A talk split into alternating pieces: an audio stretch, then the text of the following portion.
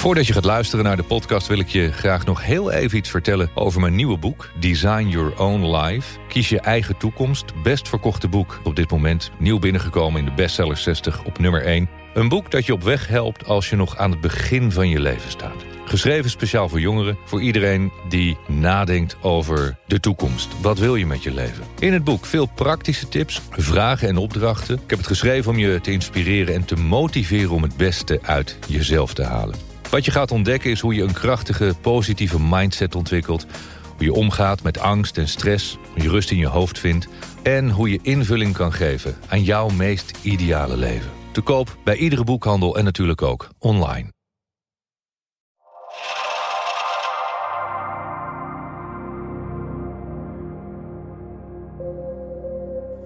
Welkom live vanaf Ibiza, een nieuwe Master Your Mindset podcast. Fijn dat je erbij bent. Heb je zelf een vraag? Die kun je stellen via onze website michaelpilatschik.com slash vraag. Stel daar je vraag en wie weet kunnen we volgende week of in een van de komende podcasts jouw vraag beantwoorden. Nog wat leuks voor je. Uh, misschien ben je ervan op de hoogte. Ik heb uh, onlangs het boek Think and Grow Rich van Napoleon Hill opnieuw vertaald en bewerkt. We zien overal op uh, social mensen die foto's van het boek posten op mooie exotische plekken tijdens vakanties. Hartstikke leuk, dank jullie wel daarvoor. We hebben nog wat leuks voor je. Als je naar de site gaat, dan zie je daar een aanbieding voor early birds. Het boek Think and Grow Rich plus een nieuw online programma, een nieuwe cursus, vijf video's van ongeveer een half uur. Dus dat is bij elkaar twee en een half uur extra videomateriaal, speciaal nieuw opgenomen. Een online cursus over Think and Grow Rich, waarin ik nog wat meer uitleg over dat bijzondere boek.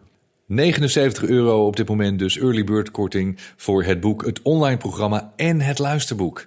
Het volledige luisterboek door mij ingesproken kun je dan ook nog eens downloaden. Ga maar naar de site, daar staat alle informatie. We gaan snel naar de vragen voor deze week. Um, naarmate ik de lessen volg, blijven mijn gestelde doelen veranderen. Dat kan, ja, dat kan. Dat is opmerkelijk, maar dat kan. Um, dit maakt me onzeker, omdat ik dan niet weet of ik na vier keer wisselen weet wat ik wil. Mijn vraag is dan ook hoe ik weet wat ik wil en of mijn gestelde doelen wel de juiste zijn. Is het goed om deze te blijven aanpassen en te veranderen, of moet ik ergens iets anders aanpassen? Dankjewel. Dat is een, uh, een vraag die ik wel uh, vaker uh, krijg van mensen die zeggen van ja, weet je, ik begon eigenlijk zonder doelen. En toen had ik ineens een doel. En toen na een paar lessen dacht ik ineens, nee, ik wil toch een ander doel. En toen weer een ander doel. En dan blijf je continu je doelen veranderen. Ehm, als je vraagt dan is, hoe weet ik of mijn doel wel de juiste is, dan zou ik zeggen: het maakt niet uit. maak het niet te ingewikkeld. We hebben alle vragen al doorgenomen en ik zie soms dat, dat mensen het te moeilijk maken. Dat, dat je denkt van ja, maar is dit mijn juiste doel? Is het wel goed wat ik doe? Uh, maak jezelf niet zo moeilijk.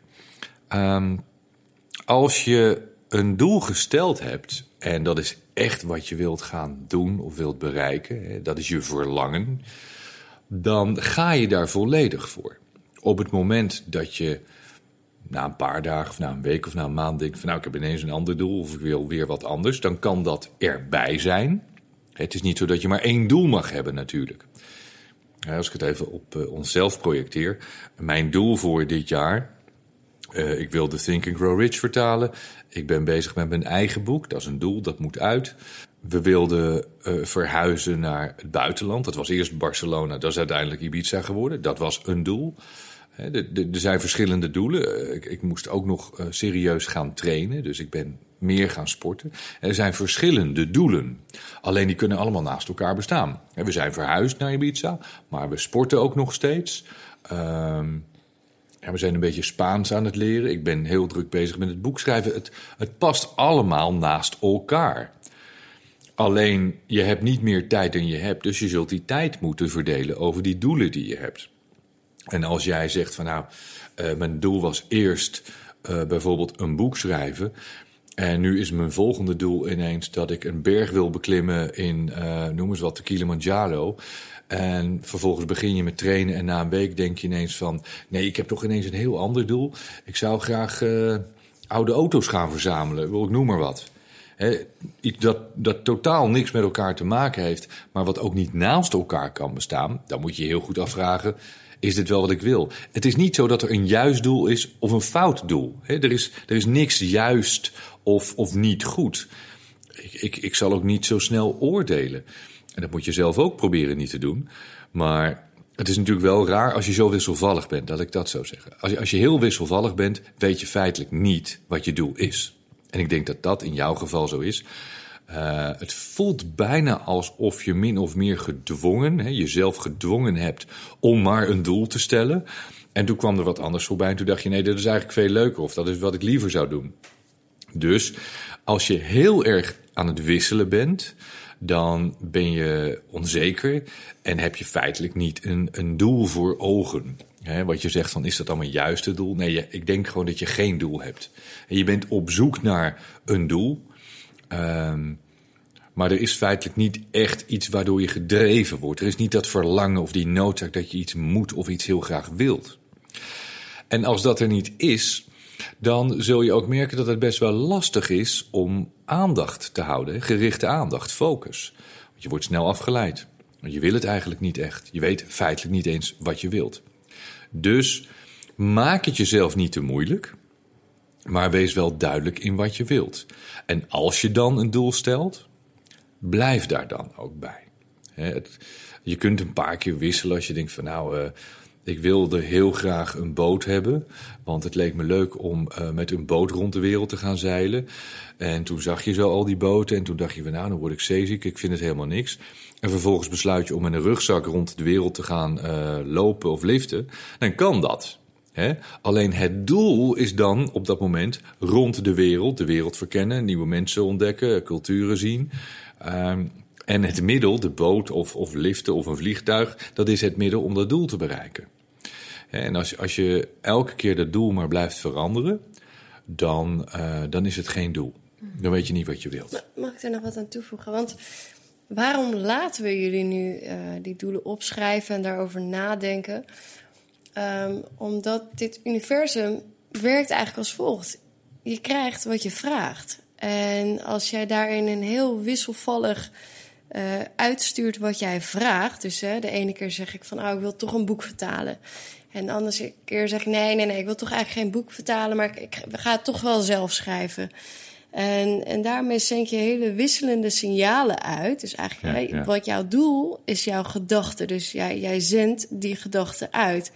En uiteindelijk wat er gebeurt, is dat er wordt gezorgd dat er dingen op jouw pad komen die daarbij gaan helpen. Als jij heel wisselend bent in wat jij wilt, uh, zal het ook heel lastig zijn om dat te gaan bereiken. Ja. ja dat is een goede van je. Je zou het kunnen vergelijken met een uh, supermarkt. Je gaat online boodschappen doen. En dan, uh, dan vul je in van, nou, doe mij vanavond maar pannenkoeken. Ja. Uh, en even later denk je van, nee, nee, weet je, nee, pannenkoeken. Uh, pizza. Doe maar pizza. Uh, en nou ja, een tijdje later denk je, nee, pizza, ik heb eigenlijk geen trek in pizza. Uh, dus die gast die, die is al eigenlijk onderweg met die pizza. Die is die pizza aan het inpakken. En dan komt er ineens een nieuwe melding. Nee, de pizza wordt afbesteld. Uh, laten we toch maar salade doen. Nou, oké, okay, uh, weer dat schap in. Die, die gozer in de supermarkt gaat die salade voor je pakken. Die zit alweer in zijn autootje, die is onderweg. En dan zeg je, nee, doe toch maar geen... Nee, weet je, ik ga gewoon uit eten vanavond. Op dat moment is het signaal. Dit is, is heel belangrijk om, om goed in je op te nemen. Dit is namelijk echt hoe het werkt met de wet van de aantrekkingskracht en het universum. Al die signalen die je uitstendt, daar wordt op gereageerd. Op het moment dat je continu die signalen maar blijft veranderen, dus lees verstoren, dan weten ze niet wat je wilt en wat, je, wat ze je moeten geven. En ook, en ook als je niet helemaal uh, 200% van, van overtuigd bent, dat jij dat echt wel wilt. En als er enigszins 1% twijfel zit in of jij dat wel echt wilt, uh, wacht het universum even om je daarmee te helpen. Ja, die, die, die, die, die, denken dan van, weet je, we zetten dat autootje wel vast klaar, maar we gaan nog niet rijden. Gaan die pizza gaan we nog nee, niet maken. Nee, stel want... je voor dat we die pizza gaan bezorgen en dat hij zich bedenkt, want, want het is niet helemaal zeker wat hij wil. Uh, dan wachten we even met die pizza. Uh, en dit is werkelijk hoe het werkt. Ik probeer het echt zo simpel mogelijk uit te leggen. Uh, dit is wat er feitelijk gebeurt. En dit is ook waarom je niet altijd krijgt wat je denkt te willen. Omdat je misschien wel denkt dat je het wilt, maar omdat je het niet echt zuiver wilt, van binnen in je, in je zuivere bewustzijn, stuur je dat signaal helemaal niet uit. Dus dan kan je ratio je wel voor de gek houden van ja, dat wil ik heel graag. Maar er gaat een heel ander signaal uh, naar boven, naar het universum. En dan, dan komt het dus niet op je pad. Ja, en een ander ding die me ook nog in de groep opgevallen was, en daarom is het heel goed om heel veel op te schrijven over wat je denkt en over je doelen. Want van de week zag ik ook iemand ja, ik wil geen ruzie meer met mijn ex. Of ik wil geen financiële zorgen meer. Of ik wil niet meer dit. En het is heel goed om dat op te schrijven en dat bij jezelf te signaleren wat je dan op dat moment uitzendt. En hoe je dat ook zou kunnen omdraaien naar wat je wel wilt. Want je zegt eigenlijk, ja, ik wil geen ruzie meer met mijn ex. Hoe zou je dat kunnen omdraaien? Door te zeggen van, nou, ik wil een liefdevolle relatie met mijn ex. Of ik wil een respectvolle relatie met mijn ex. Dat is wel heel anders als ik je zegt, ik wil geen ruzie meer met mijn ex.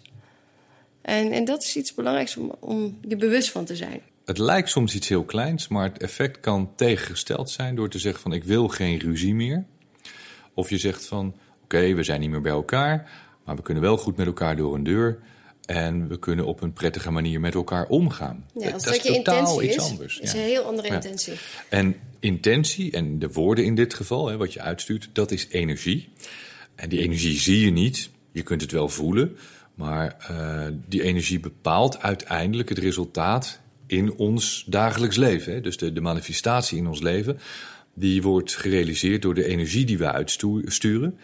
En die energie kan dus totaal anders zijn door, door een paar andere woorden te kiezen. Het is belangrijk om je dat te realiseren.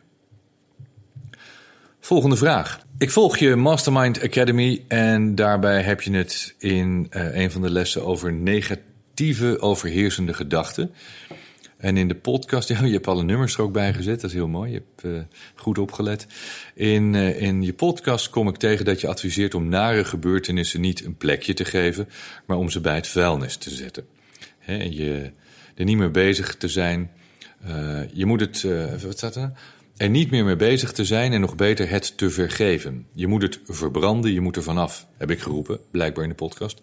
De rugzak moet van je schouder en je moet de ellende bij de vuilnis neerzetten. Ja, dat vind ik wel.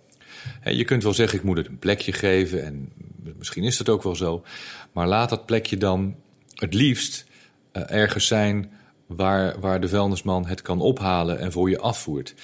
Want je kunt het wel een plekje geven in jezelf. En feitelijk is dat natuurlijk zo dat we het een plekje geven in onszelf, want we slepen het altijd met ons mee. Maar daar zeg ik het al, je sleept het altijd met je mee. Het zit altijd in die rugzak. En hoe meer je het bij je draagt, hoe eerder het natuurlijk ook weer bij je omhoog komt. Um, misschien heb je wel eens iets uh, in een kast opgeruimd of in een tas en, en had je dat later nodig. Ik heb dat wel eens dat ik dingen zo goed opruim dat ik ze niet meer kan vinden. En uh, dat is het een beetje. Hè? Dat, dat, dan moet je gaan zoeken om het te vinden. Nou, bij dingen die je kwijt wil raken, moet je dus zorgen dat je ze niet meer kunt vinden. En als jij het altijd in je broekzak bij je draagt, dan, uh, ja, dan hoef je je hand maar in je broek te stoppen. En dan denk je ineens, hé, hey, daar is die gedachte weer, daar is die emotie weer, daar is die pijn weer. En daarom zeg ik, zet het aan de kant van de weg, zet het bij het vuilnis, zorg dat je er vanaf komt. Waar het om gaat, het is een, een boeiende vraag deze. Ik denk dat we hier ook wel even mee bezig zijn. Het overkomt de beste, laat ik het zo zeggen. Het is mij zelf ook overkomen, dus ik kan ook vanuit mijn eigen uh, ervaring wel uh, voelen en, en, weten hoe je erin staat en wat, wat er met je gebeurt. Dit is, uh, dit is de situatie. Ik lees het even voor. De situatie is dat mijn vrouw in een periode ontrouw is geweest en seks heeft gehad met andere mannen. Ze zag me in die periode niet meer zitten kwam tot inkeer en koos ervoor om toch met mij verder te willen. We hebben er allebei voor gekozen om eh, verder te gaan met de relatie. En met de nodige relatietherapie en veranderingen zijn we goed op weg. En is de relatie ook veel beter dan dat die ooit is geweest. Ik heb alleen nog vaak last van verdriet en de pijn van die tijdelijke verlating en van dat misbruik. Zo voel je dat. En dat is logisch. Ik kan me goed voorstellen dat je dat zo voelt. Accepteren betekent loslaten. Ik kies ervoor om haar fout te accepteren, schrijf je, en ook te vergeven, maar blijkbaar verdwijnen daarmee niet de momenten dat ik ineens herinnerd word aan die pijn in mijn gedachten. Dat is logisch natuurlijk, hè, want uh, waarschijnlijk ligt het ook uh, redelijk vers in je geheugen. Het is nog niet zo heel lang geleden. Jullie zijn er heel intensief mee bezig geweest met relatietherapie. Dus heel veel van jouw aandacht, van de, van de zowel negatieve als positieve aandacht. De positieve aandacht om de relatie weer nieuw leven in te blazen. Als de negatieve aandacht om nog toch weer door die pijn heen te gaan. Die, die, eh, ja, daar heb je mee te maken gehad de laatste tijd. Dus daar ben je heel intensief mee bezig.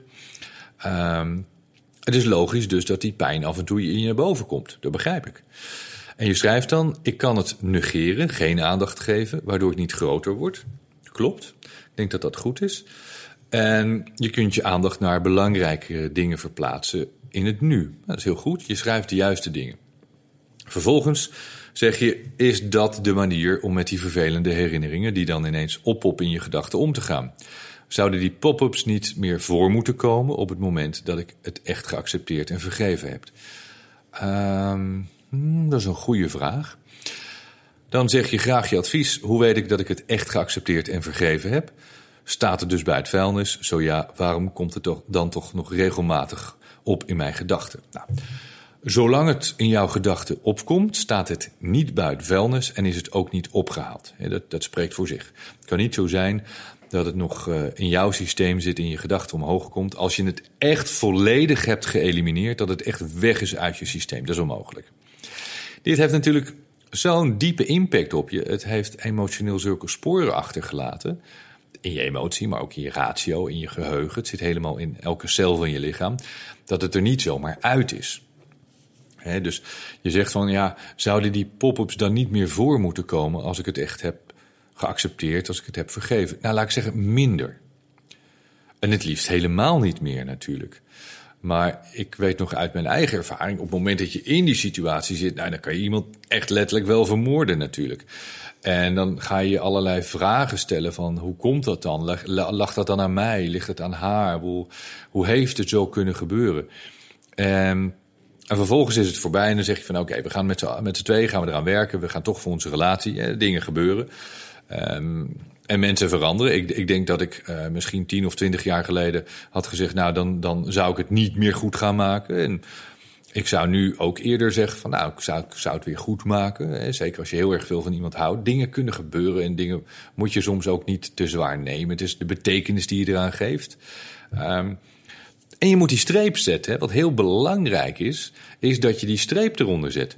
Jullie hebben gekozen. De keuze is: we gaan met elkaar door. Vanaf dat moment moet je ook zeggen, dan vertrouwen we erop dat we daarvoor gaan en dat dat goed komt. wij werken daar met z'n tweeën aan.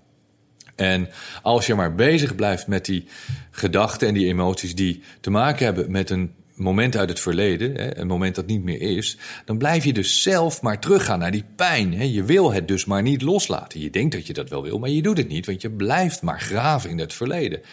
Dat is wat je niet moet doen. Zand erover, doorgaan, de goede kant op kijken. En als je de goede kant op kijkt, dan kijk je naar je leven nu en morgen en in de toekomst samen zoals jij het wilt hebben. En wat je doet, is telkens terugkijken naar die momenten hoe je niet wilde dat het was, maar hoe het wel is gelopen.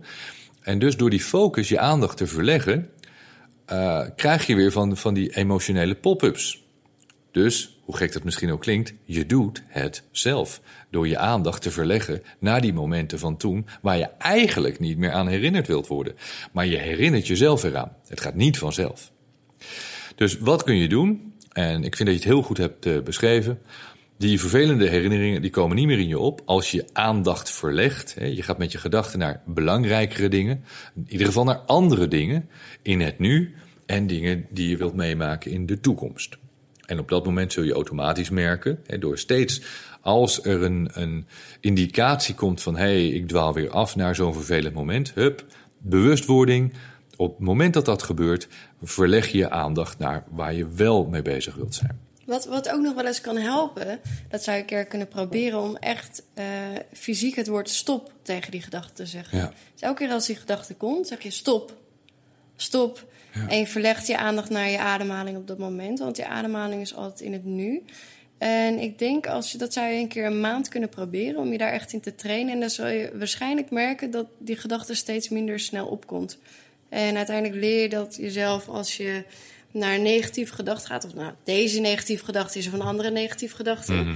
Dat je altijd tegen die gedachte zegt: stop, ik ga hier niet in mee. Ik ga niet in het noem het wel eens een botsautootje. Je kan in een botsauto je gaan zitten of je kan op de zijkant kan je naar de botsauto's kijken. Dat is een heel andere beleving. Je zegt tegen botsautootje stop, ik stap niet in. Ik focus me op het nu-moment. En nu is er niks aan de hand. Nee, nu is er niks aan de hand. Want nu is het niet meer zo. Nu zijn jullie weer samen. En nu is zij niet meer met anderen. Dus nu is er geen probleem. Dus jij creëert een probleem dat ooit was, maar er niet meer is. Dus wat we vaak doen, dat we in onze gedachten gebeurtenissen creëren. Mogelijk uit een nog niet gebeurde toekomst of uit het verleden. En daar gaan we ons heel ellendig over voelen. Nou, dat is natuurlijk absoluut niet nodig. Dit is natuurlijk een van de belangrijke dingen die ik probeer in de cursus uit te leggen. Um, want wat jij schrijft, ook nog, uh, dit stukje. Je wil naar je vrouw kunnen kijken, je geliefde zien. En niet meer verstoord worden door het beeld waarbij je haar ineens seks ziet hebben met andere mannen. Nee, dat is niet leuk. Um, ik heb dat zelf ook meegemaakt, dat ik dat, dat, dat, dat had. Dat ik dacht van ja, maar wat is het nou feitelijk? Hè? En dat is wel een goede vraag om aan jezelf te stellen. Wat stoort je er nou zo aan? Is het dat beeld dat zij dat gedaan heeft? Of is het de vraag dat jij denkt: waarom heeft ze dat gedaan? Ben ik niet goed genoeg? Was ik niet goed genoeg? Waarom uh, is ze toen met die ander gegaan en heeft ze niet voor mij gekozen? Dat, dat blijkt toch een niet beantwoorde vraag te zijn voor jou. Want als het duidelijk is, hè, als, als zij had gezegd van nou, uh, je bent gewoon kansloos in bed en seks met jou is heel slecht, dus ik heb iemand gezocht die het wel kan, dan is het pijnlijk en vervelend, maar wel duidelijk voor je. Hè, op dat moment zou je ook kunnen denken, nou dan gaan we niet samen verder, want hier kan ik niet mee leven. Um, als de duidelijkheid er is, is het een kwestie van een keuze maken.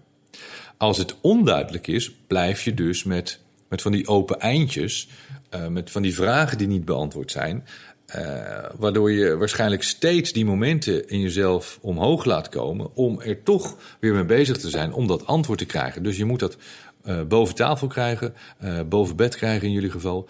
en je moet met te praten. En als het duidelijk is, is het een keuze. En de keuze is: stop, wat Cindy zegt, stop. Deze gedachte wil ik niet meer. Een goede, ook met andere gedachten als het gaat om angst of uh, allerlei negatieve gedachten. Stop. Stop is een moment van bewustzijn. En op dat moment, het woord stop, zet je heel even op pauze en daarna kun je door op een manier zoals je dat zelf wel wilt.